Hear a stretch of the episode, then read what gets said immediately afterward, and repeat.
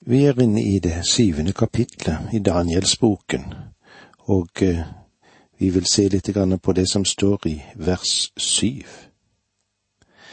Så fikk jeg i min, mine nattesyner se et fjerde dyr. Fryktelig og forferdelig og meget sterkt. Det hadde store tenner av jern og åt og knuste, og det som ble til overs, tråkket dyret ned med føttene. Det var annerledes enn alle de tidligere dyrene og hadde ti horn. Dette synet med det fjerde dyret er videre viktig for oss fordi det ennå ikke er fullstendig fullbyrdet. Det er helt klart at vi lever i en epoke mot slutten av denne tiden.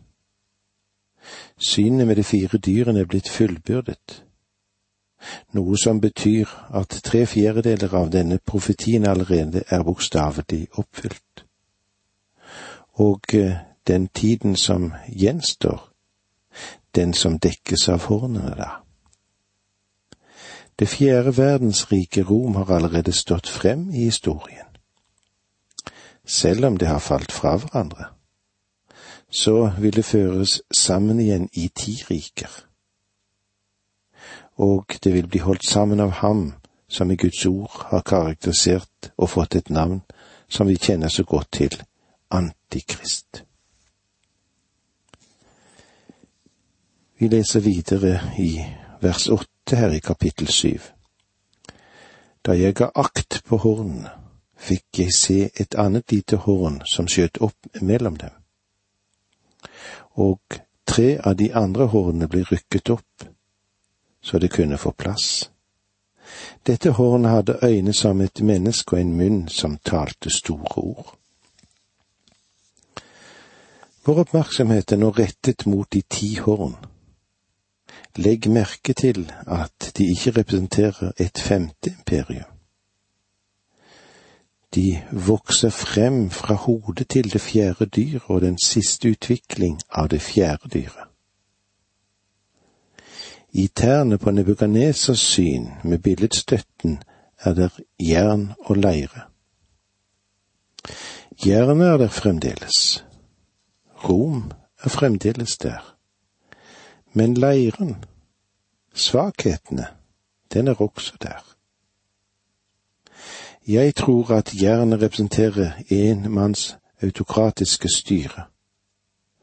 Og leiren, ja, hva kan leiren representere? Jo, den representerer massene, et demokrati.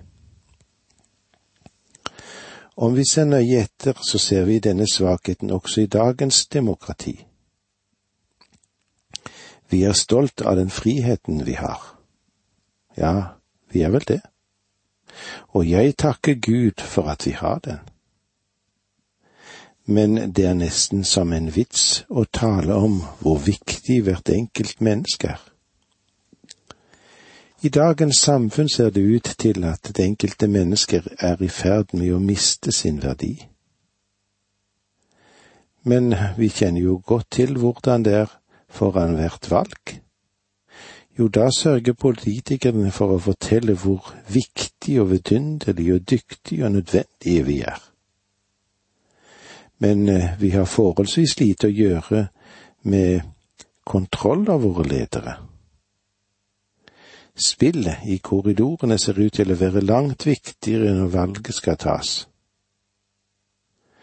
Selvsagt takker både du og jeg Gud for den friheten vi har, men eh, vi må heller ikke være blinde for at demokratiet, ja, Demokratiet har også sine baksider. Guds ideelle styresett er ikke et demokrati. Det er egentlig et enmannsvelde. Når den Herre Jesus Kristus hersker på denne jord, så vil han ikke spørre en eneste om hva han ønsker å få gjort. Han kommer da til å foreta valgene og denne jord vil bli styrt etter det program som han følger. Og det er en viktig årsak til at det er best du og jeg blir fortrolige med det bildet at han har tingene og tar tingene, ellers kommer vi til å kjenne sterkt ubehag under hans lederskap. Faktisk så vil han forkaste alt det hans rike som går på tvers av hans vilje, og enhver som strider mot ham. Vi må bøye oss for hans lederskap, og vi må bøye oss for ham. Nå vel, det romerske imperiet falt fra hverandre på grunn av indre korrupsjon og råttenhet og drukkenskap. Av og til undrer jeg meg på hvordan kjernen i vårt folk egentlig er, sett med Guds øyne.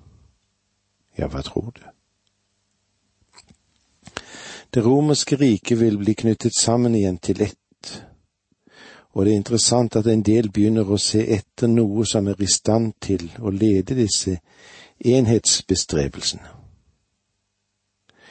Den tyske historikeren Hoffmann har sagt det på denne måten. Da tyskere og slaver rykket frem og inn i det romerske riket, og til de historiske posisjoner innenfor dette riket, så giftet deres prinser seg inn i de romerske familier. Charlemagne kom fra en romersk adelsfamilie. På nesten samme tid giftet den tyske herskeren Otto II og eh, den russiske storfyrsten Valdimir seg med døtrene av den østromerske hersker.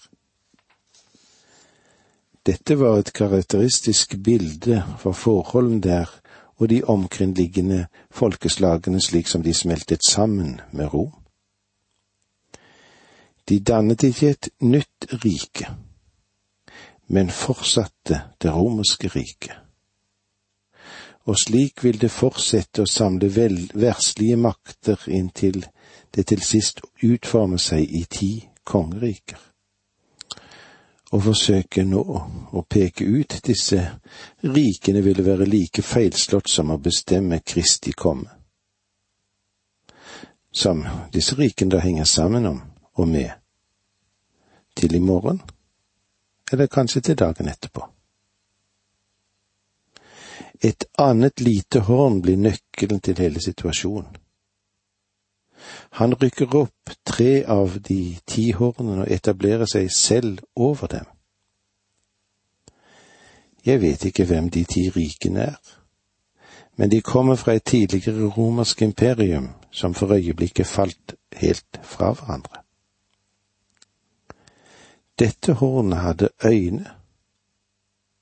Det betegner en menneskelig intelligens og en ualminnelig fremstående og god tenkning. En munn som talte store ord, forteller om den blasfemiske holdningen dette mennesket har. Når vi nå går videre, så vil vi se synet av menneskesønnen som kommer i himmelens skyer. Vers ni leser vi slik. Videre så jeg, tronstoler ble satt fram, og en som var gammel av dager, tok sete. Hans klær var hvite som snø og håret på hans hode som rent ull. Hans trone var flammende luer, og dens hjul var luende ild. Nå er det et sceneskifte, og vi forflytter oss til himmelen. Og Guds trone blir der åpenbart. Dette er den samme scene som vi ser beskrevet i kapitlene fire og fem i åpenbaringsboken.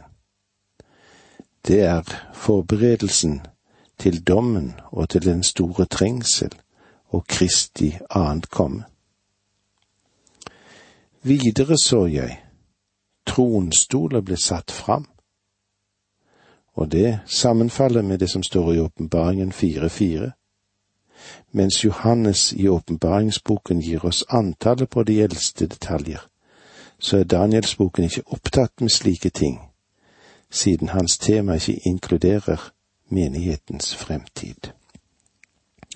Og med disse ord sier vi takk for nå, må Gud være med deg. Dette undervisningsprogrammet består av to deler. Åge Nevland fortsetter nå med andre del av dagens undervisning. Vi er i Danielsboken, i det syvende kapitlet, her vi stopper opp for Daniels syn om de fire dyr, som er de fire riker under hedningenes tid. Og vi vil òg se på litt grann hvordan det er når vi får dette i det perspektivet når Jesus kommer igjen. La oss lese det som står i vers ni i kapittel syv. Videre så jeg tronstoler ble satt fram, og en som var gammel av dager, tok sete. Hans klær var hvite som snø, og håret på hans hode som ren ull. Hans trone var flammende luer, og dens hjul var luende ild. En som var gammel av dage, den evige Gud. Hans klær var hvite som snø. Det peker på hans egenskaper som er knyttet til det hellige og til rettferdighet. Håret på hans hode var som rent ull. Ja, dette taler om hans evige visdom. Hans trone var flammende luer. Det er et uttrykk for dommen, og det kan vi òg se i åpenbaringen fire fem. Fra tronen gikk det ut et lyn og drønn og tordenbrak, og foran den flammet sju fakler. Det er Guds sju ånder. Dens hjul var luende ild. Det taler om den uimotståelige energi og Guds aktive makt. I vers ti her i Daniel 7.10 leser vi En strøm av ild fløt fram, og den gikk foran ham. Tusen på tusen tjente ham. Ti tusen ja, titusener sto foran ham. Retten ble satt, og bøker ble åpnet. Dette er ikke dommen ved den store hvite trone som kommer etter tusenårsriket, men det er selve rammen om dommen ved den store trengsel og Kristi gjenkomst for å opprette sitt tusenårsrike her på jorden. La oss si åpenbaringen fem, elleve til fjorten. Og i mitt syn hørte jeg kor av de mange engler som sto omkring tronen og de fire vesener og de eldste. Det var titusener på titusener og tusener på tusener av dem. De ropte med høy røst, Verdig er lam som ble slaktet, verdig til å få all makt og rikdom og visdom og styrke og ære og pris og takk. Og hver skapning i himmelen og på jorden og under jorden og på havet, ja, alt som finnes der, hørte jeg si.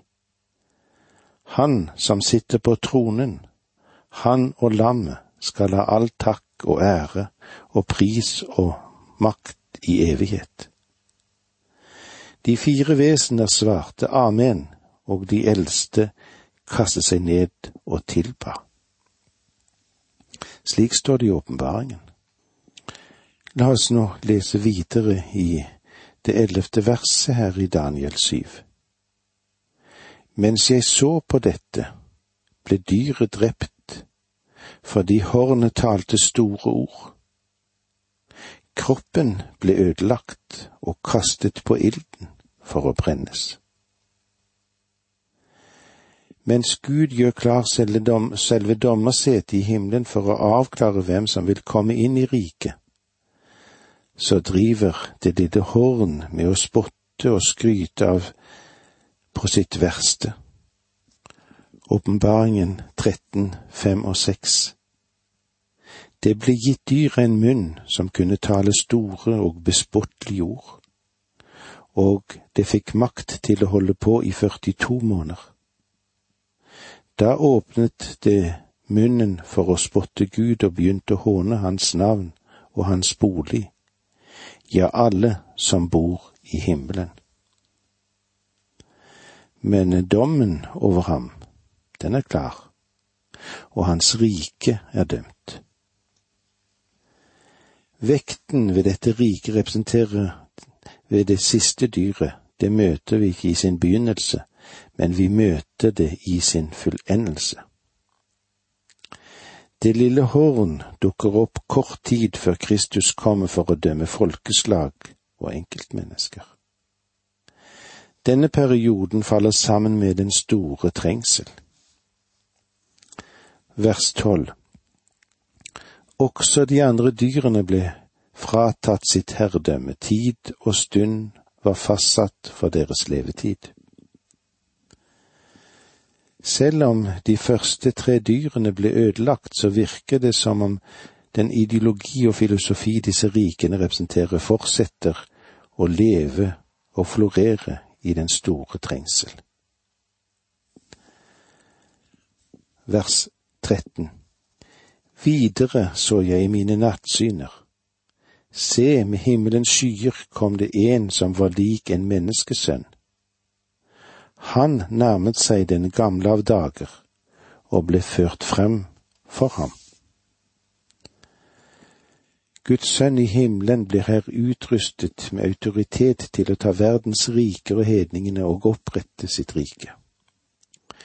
Jesus, han henviste jo til dette verset da han under ed ble avkrevd, for dette i rettsforhandlingene overfor Det høye råd. Og igjen spurte øverstepresten, Er du Messias, den høylovedes sønn? Jesus svarte, Jeg er det, og dere skal få se menneskesønnen sitte ved kraftens høyre hånd og komme med himmelens skyer, som det står i Markus 14. Englene profeterte ved hans fødsel. Som det står i Lukas 1,32. Han skal være stor og kalles den høyestes sønn. Herren Gud skal gi hans far Davids trone. På den bakgrunn har vi her et klart uttrykk for at den Herre Jesus Kristus er den sten som blir revet løs, men ikke av menneskehender, som knuste billedstøtten. Han vil opprette sitt rike her på jord. Og i Salme to leser vi, Jeg vil kunngjøre det Herren har fastsatt. Han sa til meg, Du er min sønn, jeg er født deg i dag. Han var oppreist fra de døde. Dette henviser jo til hans oppstandelse, ikke til hans fødsel i Betlehem. Apostelen Paulus gir oss denne tolkningen i apostelens gjerninger, slik som vi leser det i det trettende kapitlet 33. Har Gud oppfylt for oss, deres barn, da han oppreiste Jesus, slik de også skrevet i den andre salmen. Du er min sønn, jeg har født deg i dag. Og eh, salmisten fortsetter med å si, som det står i Salme 2,8. Be for meg, så gir jeg deg folkene til arv og hele jorden til eie.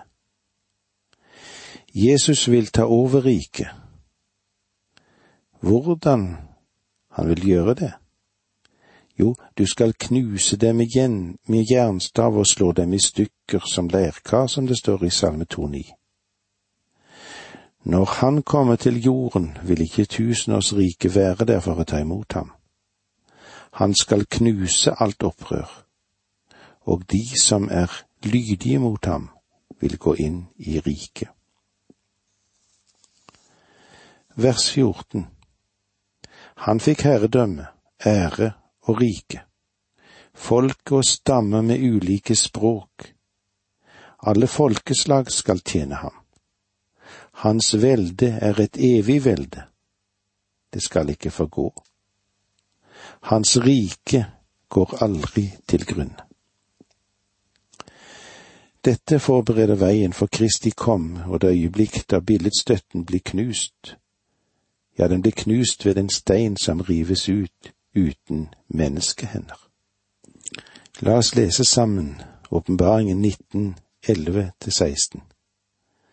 Da så jeg himmelen åpen, og se, det var en hvit hest, han som red på den heter trofast og sannferdig, for han dømmer og kjemper rettferdig.